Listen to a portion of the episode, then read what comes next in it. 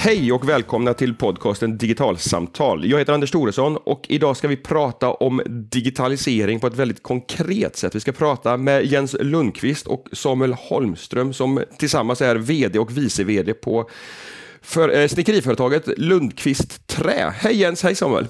Hej! Hej! Ni, ni, har gjort en digitaliseringsresa med eh, det här familjeföretaget som du tog över efter din far Jens för eh, snart tio år sedan om jag förstått det rätt.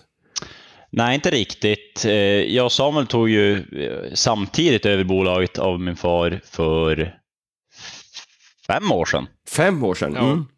Eh, januari 2014. Eh, sen tog vi, eh, vi tog som över driften vid ja, för nio år sedan ungefär. Ja.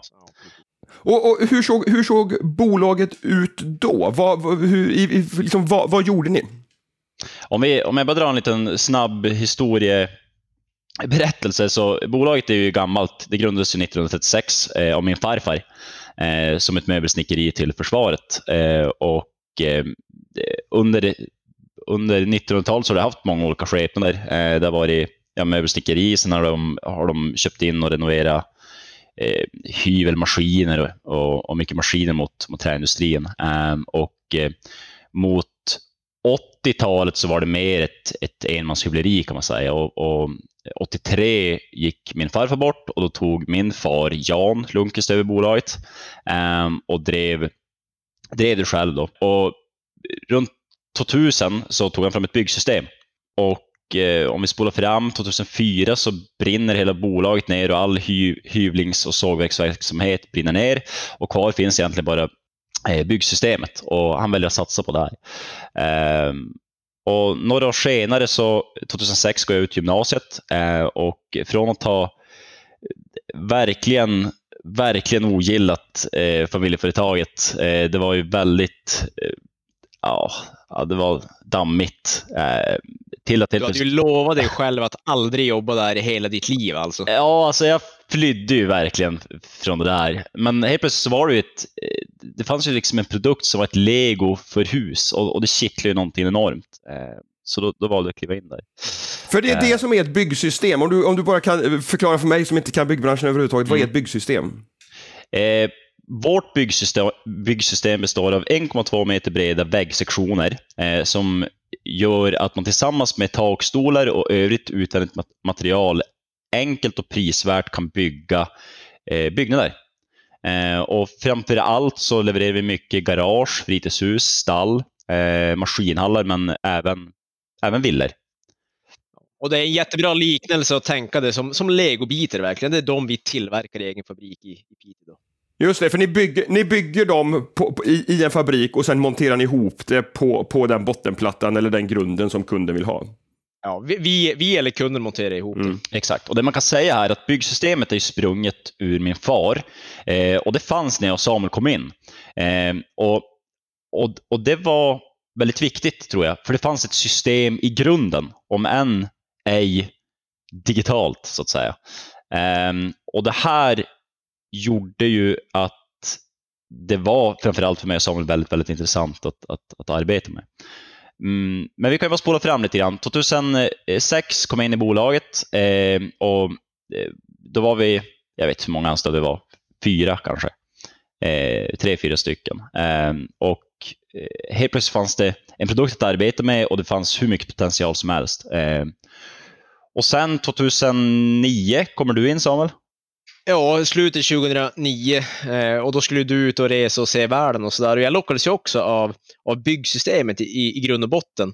Eh, men sen upptäckte jag, eh, och egentligen kanske Jens hade redan hunnit göra det också, men alltså byggbranschen är ju egentligen ganska sunkig, alltså grå och konservativ. Det känns som att den, den, den är som den alltid har sett ut.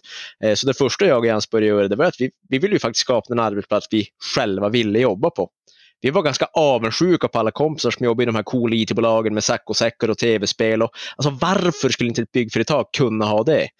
Eh, så det var det första vi började, började jobba med. Eh, och någonstans så tror jag att, att den processen att faktiskt skapa en, en liksom härlig och attraktiv arbetsplats eh, påverka den övriga personalen ganska mycket också. De började komma med idéer hur vi kunde göra saker bättre och, och sakta men säkert så eh, ja, det blev som en, en positiv förändringsresa någonstans. En annan eh, anekdot i det här är ju att jag och Samuel är ju outbildade och även fast jag är uppvuxen i en träfamilj och Samuel har, har jobbat i, i några år på, på en annan hustillverkare, eh, så, så, var vi, vi är oerfarna, alltså vi är ju inga konstruktörer på någon nivå. Eh, och det här gjorde ju att vi var ju tvungna att liksom förenkla Eh, process för oss själva. Eh, och då blev det ju enklare på någon nivå att liksom förenkla processen mot kunden. Eh, så egentligen startade ju två arbeten eh, vid det här tillfället. Och det ena var ju som Samuel var inne på, det var ju arbetsplatsen, kulturen. Att liksom få den mer färgglad och innovativ och rolig och sådär. Och det andra var ju ett systemtänkande eh, för att förenkla. Men, men förenkla gränssnittet mot, mot kunden då, kund, kundkontakten på något sätt? Ja, egentligen skulle man kunna säga att alltså, vårt ledord generellt sett har ju handlat om förenkling. Alltså, som jag säger, att vi kommer ju från byggbranschen och, och vi, vi fattar ju, vi tyckte att varför skulle det vara så himla krångligt att bygga?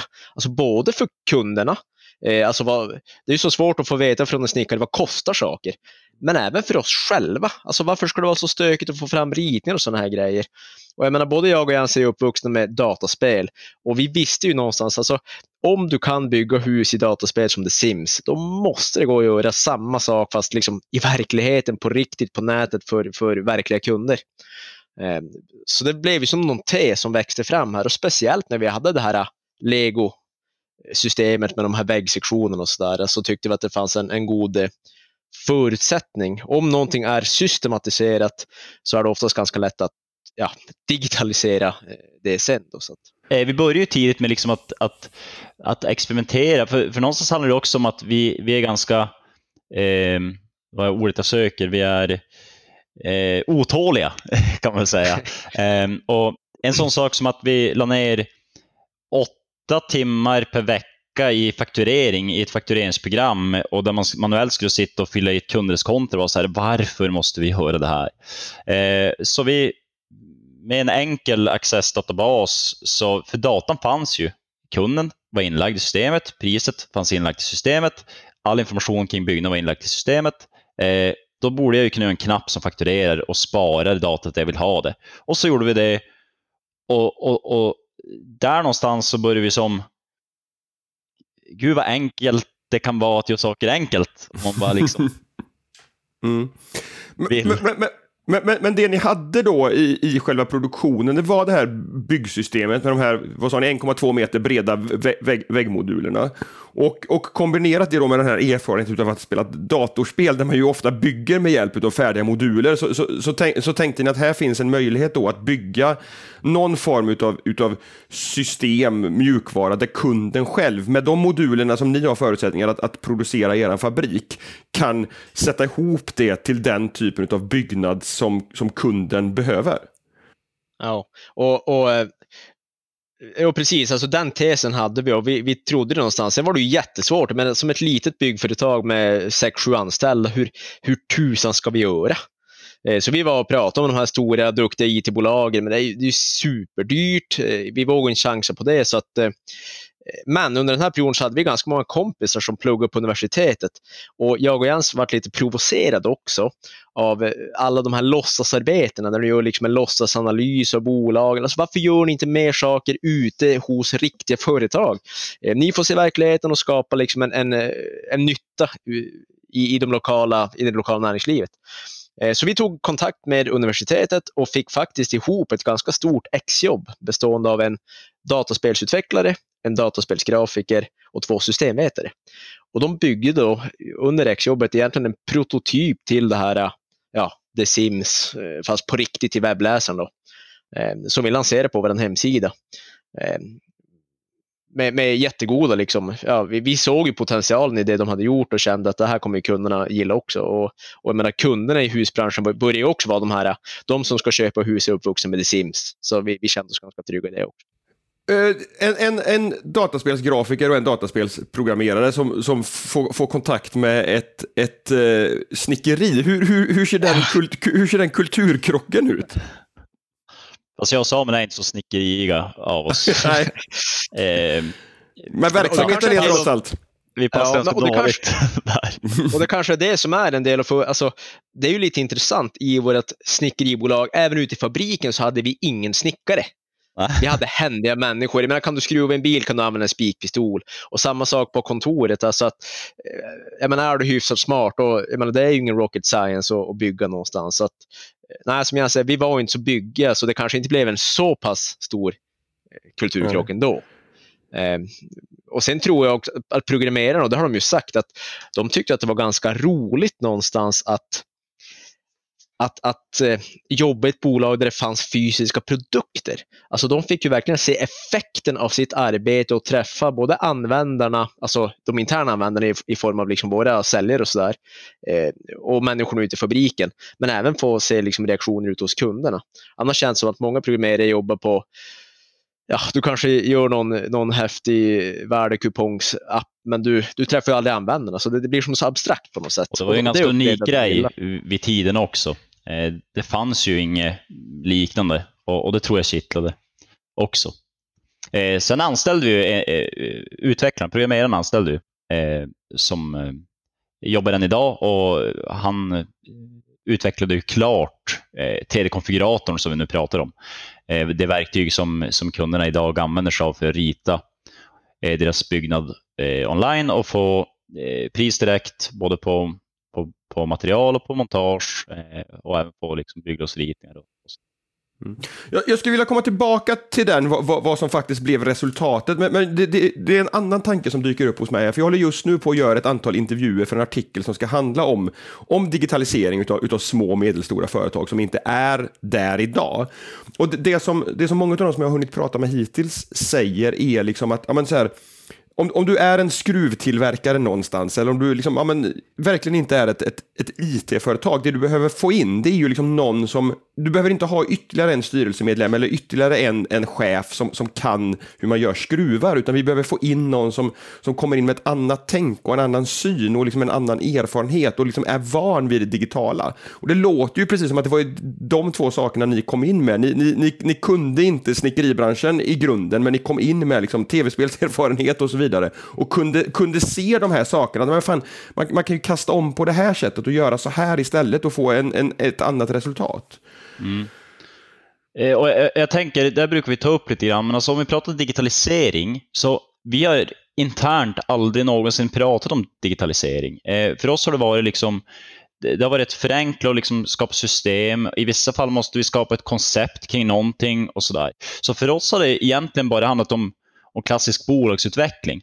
Eh, och, och sen har digitaliseringen bara varit eh, liksom slutverktyget. Eh, och, och, och där får man inte glömma att digitalisering i sig skapar inget värde, utan det är ju vad du liksom eh, skjuter igenom digitaliseringsfiltret som är, som är det viktiga. Så det, det största arbetet vi gör handlar ju om att liksom eh, jag menar att, att rent manuellt skapa rutiner, system, koncept. Ehm, och, och, och där Det är ju samma sak för programmerarna. Så programmerarna vet ju inte, de vet ju inte hur våra processer eller system ska se ut. Alltså, de kan koda, men, men de måste ju veta vad de ska digitalisera eller programmera och sådär. Så att ofta så kan ju vi komma med en grymt amatörmässig Excel-fil och bara, ja men typ så här tänker vi. Och så sen får de förädla den och liksom hitta databasstrukturer och sådär. Men, men, men i grund och botten så måste man ju förstå hur man ska använda det här för att öka effektiviteten i, i verksamheten.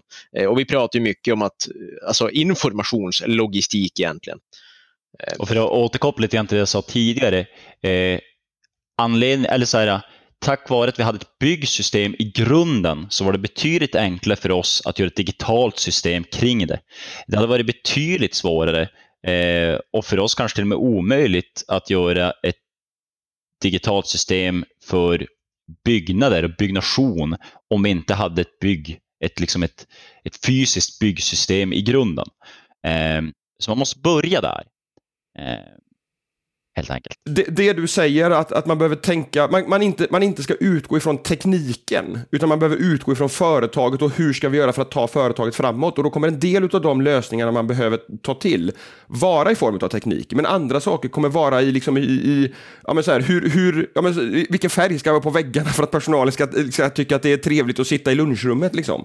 Eh, exakt så. Eh, sen får man inte glömma, jag menar, eh, tekniken skapar ju också möjligheter som inte fanns innan. Absolut. Eh, så, så man, genom att liksom öppna upp eh, liksom sinnet för det så gör det att du blir lite mer obegränsad i tankarna. Så Mm. på det sättet så kan man ju utgå ifrån vad är möjligt med tekniken. Eh, men eh, Men det är inte tekniken i sig som Nej. skapar värdet. Nej, precis. Nej. Och om du säger att du tar en rutin kopplat till planering eh, och så sen väljer du att digitalisera den. Men den rutinen kanske inte är speciellt optimal. Eh, eh, och, och, och du får inte ut dess fulla eh, potential genom digitaliseringen. Då ska du först titta på hur, alltså på vilket sätt vill vi arbeta med planering? Nej, men jag tänker, här känns det som att det finns en skillnad mellan lite olika bolag, alltså hur långt man har kommit i tanken. En del, en del okej, då tittar de på, på bara tekniken, för de, de, de har hört man måste digitalisera, och så köper de program och de vill gärna liksom göra bort det här någonstans. Eh, de, de andra, de har kommit lite längre och så börjar de titta på, okej, hur kan vi digitalisera de processer vi har idag? Eh, men man tittar inte på just det här, precis som jag är inne på, tekniken kan ju faktiskt möjliggöra att både din process eller din affärsmodell kan se ut på ett annat sätt tack vare den här tekniken. Mm. Eh, Men det är först när du verkligen har fin, finjusterat och hittar de här, hur vill vi jobba, hur vill vi att vår affärsmodell ska se ut, det är då du kan, kan göra det riktigt stora. Och det är där jag upplever att de allra flesta faller nu nästan. Jag menar, eh, det finns jättemånga kraftfulla program, men problemet är att de bygger på en Ja, de har, de har ju effektiviserat, men de har effektiviserat en, en dålig process någonstans. Eller Mm. en gammal eh, metodik eller vad det än kan vara. Så, så, så vad, vad blev slutresultatet? Ni, ni har den här webbkonfiguratorn idag som, som kunder runt om i hela Sverige och även ni har börjat liksom, söka er utomlands också, går in och, och Mm. eh, spelar The Sims men bygger ett riktigt hus. Ja, ja typ. Alltså, eh, det är i alla fall det. Man kan säga Sims är väl vår absolut största förebild på något sätt i, i bolaget kopplat till hur försäljningsprocessen ser ut. Och vi jobbar alltid utifrån ett perspektiv. Eh, hur kan vi göra det lätt för kunden att köpa? Det är en fråga vi ofta jobbar med och då är The Sims en bra förebild. Eh, sen, sen är det ju fortfarande, alltså byggsystemet är alltid ligger före i utvecklingen mot det digitala verktyget. Så vi kan göra väldigt avancerade byggnader, men än så länge så är ritverktyget tyvärr aningen begränsat. Men det håller vi på att jobba med just nu, så du skulle kunna göra egentligen typ vilket hus du vill, flera, alltså två våningar, göra vinklar över år, sätta ut fönsterdörrar, göra planlösningar, låta kunderna rösta på varandras husmodeller. Det är ju sånt som är möjligt här framöver, alltså att crowdsource arkitektur typ. Alltså, Eh, så, så att det skapar extremt stora möjligheter. Men konkreta effekter nu, dit vi har kommit, eh, det är ju att, att eh, ja, vi har kunnat hantera den tillväxt vi har haft. Vi har vuxit från ungefär 11 miljoner till ja, 80 miljoner i fjol och 96 kanske vi landar på i år. Eh, vi har kunnat behålla marginalen under den här utvecklingen generellt sett. Eh, Mm. Och för att förtydliga det här lite grann, eh, T-kalkylatorn är det Ser man som eh, som utomstående ser som kunden arbetar med. Sen är det interna systemet som är påkopplat är ju, det är ju till och med ett, det är ett större, det är ett mer komplext system eh, idag och, och det är ju den här förenklingsprocessen för oss själva där vi har automatiska produktionsritningar som skrivs ut efter vad kunden har ritat. Där vi har Inköpslistorna, Eh, planeringar, allt möjligt. Och Det blir som intressant, eh, man skulle ju nästan kunna ge en liknelse av att jag menar, på något sätt eh, så har vi nästan outsourcat en del av jobbet till kunden. Alltså kunden gör i hög grad sin egen offert. Och de har slutat pruta med oss för de kan ju se på hemsidan vad det kostar. Kunden gör sin egen bygglovsritning och kan skriva ut direkt på hemsidan. När kunden väl beställer så finns ju färdiga produktionsritningar och så här. Så kunden har gjort en stor del av jobbet till sin egen byggnad i, i form av nu alltså beslutsprocessen. Mm, Sen måste vi mm. tillverka delar. Jo men måste absolut, det förstår jag. Mm. Och där är vi även tillämpar lite grann på underleverantörer. Alltså, vi har ju ett inköpssystem eh, där vi får upp vad som ska beställas, hur mycket som ska beställas och vem det ska beställas, där våra inköpare sitter och, och liksom beställer in. Men mot vissa leverantörer har vi börjat arbeta så att de är uppkopplade mot vårt system och då ser de alla order vi har sålt. Eh, så de beställer Sin själv. tur. Ja. Ja, och de kan ju planera sin produktion efter våra behov, för vi ligger oftast längre i leveranstid än vad de gör. och Så, där. Så, att, så där är ju vi just nu. Alltså, nu har vi på något sätt kommit ganska långt i att, att sy ihop hela informationsflödet från, från kundens idé till, till vår leverans. Men nu börjar vi försöka koppla på våra leverantörer in i vårt ja, nätverk eller plattform, eller vad man ska kalla det. Eh, men även då entreprenörerna. Kan, kan snickarna komma in i vårt system och liksom stå med en platta ute hos kunden och rita upp ett projekt och trycka beställ och sådär. Eh, så det är lite som vi jobbar med just nu i alla fall. Men, men, det innebär att, för, för, mig låter det lite grann som att en av de stora grejerna här är eh, ett, ett väldigt, väldigt mycket förbättrat informationsflöde, både internt i ert företag, eh, gentemot kunden och gentemot era, era underleverantörer, som, som ger möjlighet att, att, att planera arbete, schemalägga er, er personal kanske på olika sätt och, och, och, och så vidare. Eller, eller tänker jag fel? Nej, jag tycker du tänker helt rätt. Nej, du tänker helt rätt. Och, och som Samuel säger, mycket handlar ju om, om informationslogistik. Och där är ju data eller digitalisering extremt ja. kraftfull. Och fördelen utifrån det sen, för, för, jag tycker det var en bra sammanfattning du gjorde, men det är också där att ju, ju bättre du blir på det, ju, ju mer data du kan samla i de här flödena, så får du, skapar du också en möjlighet att addera ja, men nya, nya tjänster eller nya produkter utifrån det data och den kunskap du på något sätt samlar. Jag menar, vi har ju, jag tror vi har 30 000 hus som folk har suttit och ritat Alltså de har inte beställt alla de här, men, men vi ser ju faktiskt vad, vad ritar folk? Vad drömmer folk om för byggnader? Är det någon skillnad mellan vad folk drömmer om och vad folk beställer? Varför? Alltså, så, så det, som sagt, det här skapar ju också nya möjligheter fram, framöver egentligen. Just det, för det, där skulle ni till exempel då kunna fundera på, men så här, är det någonting som man ofta drömmer om men inte beställer? Ja, men är det för att det, det, det inte blir praktiskt eller handlar det om kostnadsaspekter? Vad kan ni skruva på så att man oftare faktiskt beställer den där första eh, drömritningen och inte det som man sen när man har skalat bort och gjort en, en enklare produkt till exempel? Då? Ja, till exempel. Har det här förändrat någonting i själva den fysiska produktionen?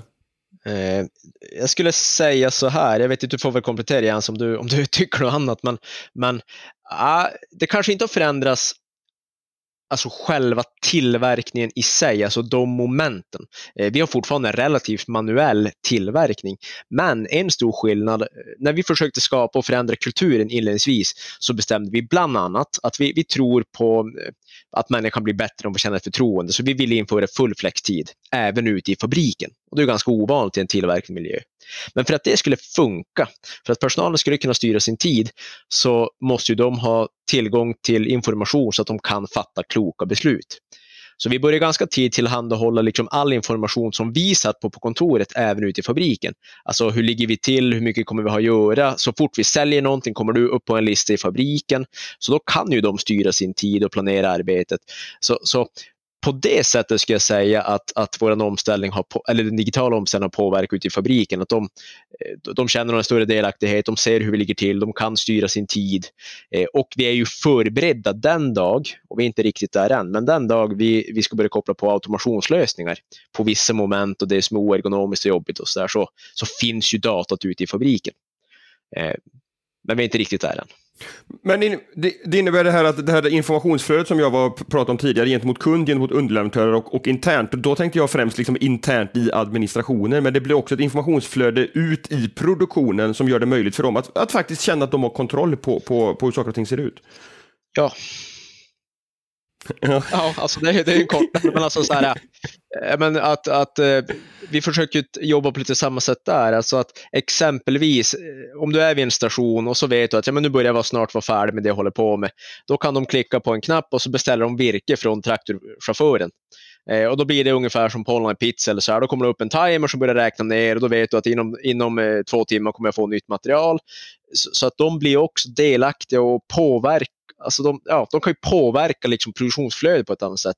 Och våra, våra dialoger, har jag, det tycker jag också blivit bättre för att nu sitter ju faktiskt produktionspersonalen på samma, samma information som liksom tjänstemän och sådär. Så, att, så vi har ju faktiskt samma utgångspunkt i våra diskussioner någonstans. Eh, där upplever jag också en skillnad från hur det var tidigare kanske. Vi kanske har pratat om det här, men det, det, det som har varit väldigt bra för oss och intressant, jag vet inte om det var att vi tänkte att det skulle bli så, eller att det bara blev så. Men det handlar om att i och med att systemen börjar bli ganska kraftfulla eh, och, och, och, och, enkla att sätta sig in i för vår personal, eh, så, så, så, har vi en möjlighet, och, och kopplar vi då till att vi vill liksom skapa en, en bra kultur på bolaget, så vi kan anställa människa före kompetensen.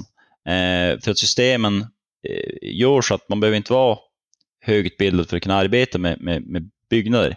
Och, och, och det gör att vi kan forma kulturen på ett annat sätt än att vi måste välja kompetensen före människan.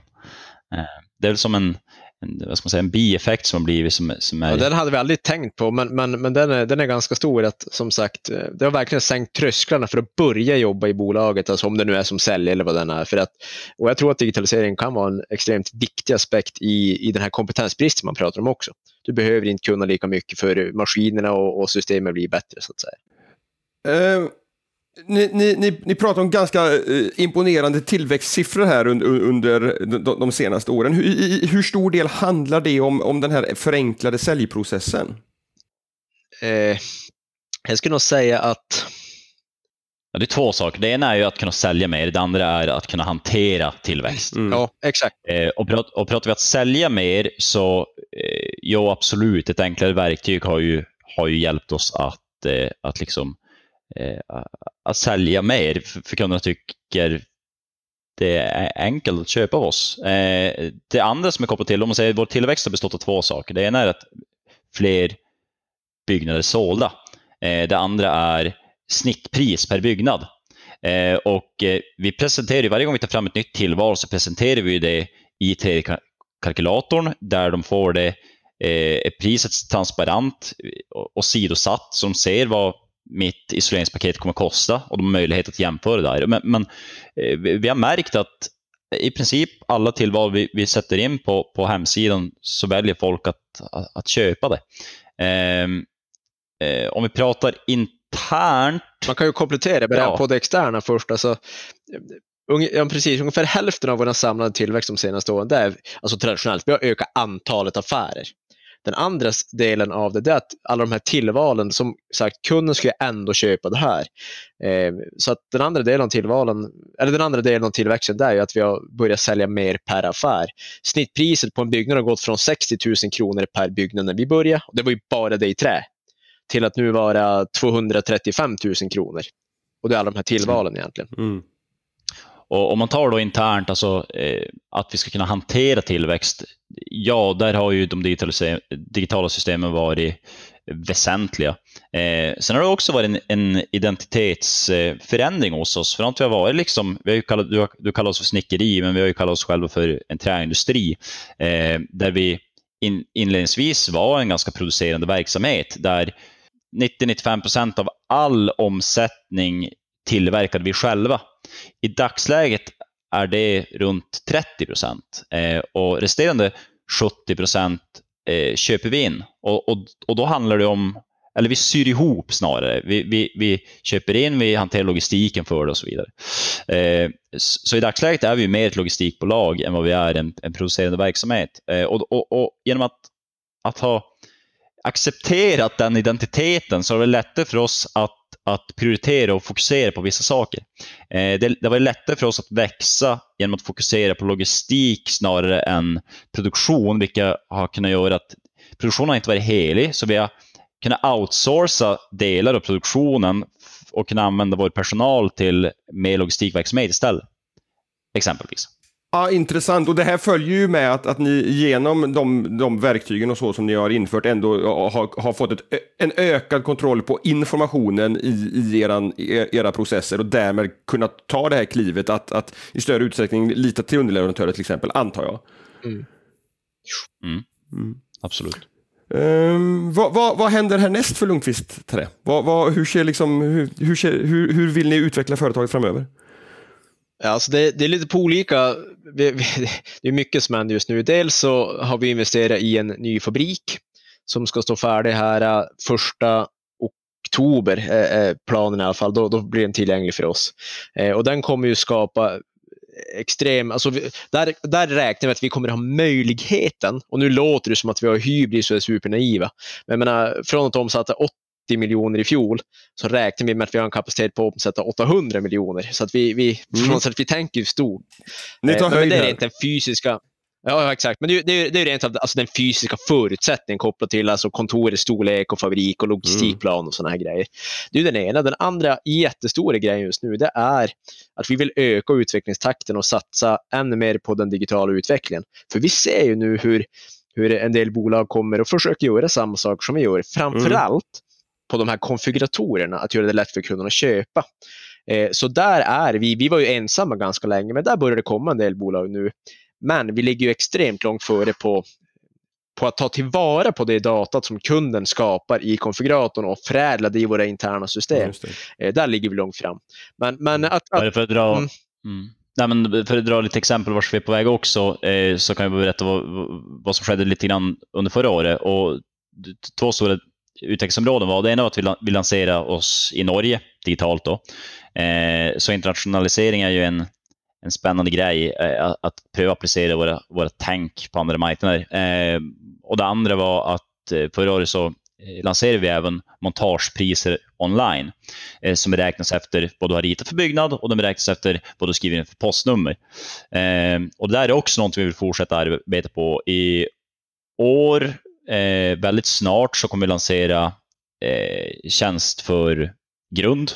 Att du ska få grund eh, betonggrundens pris i 3D-kalkylatorn också.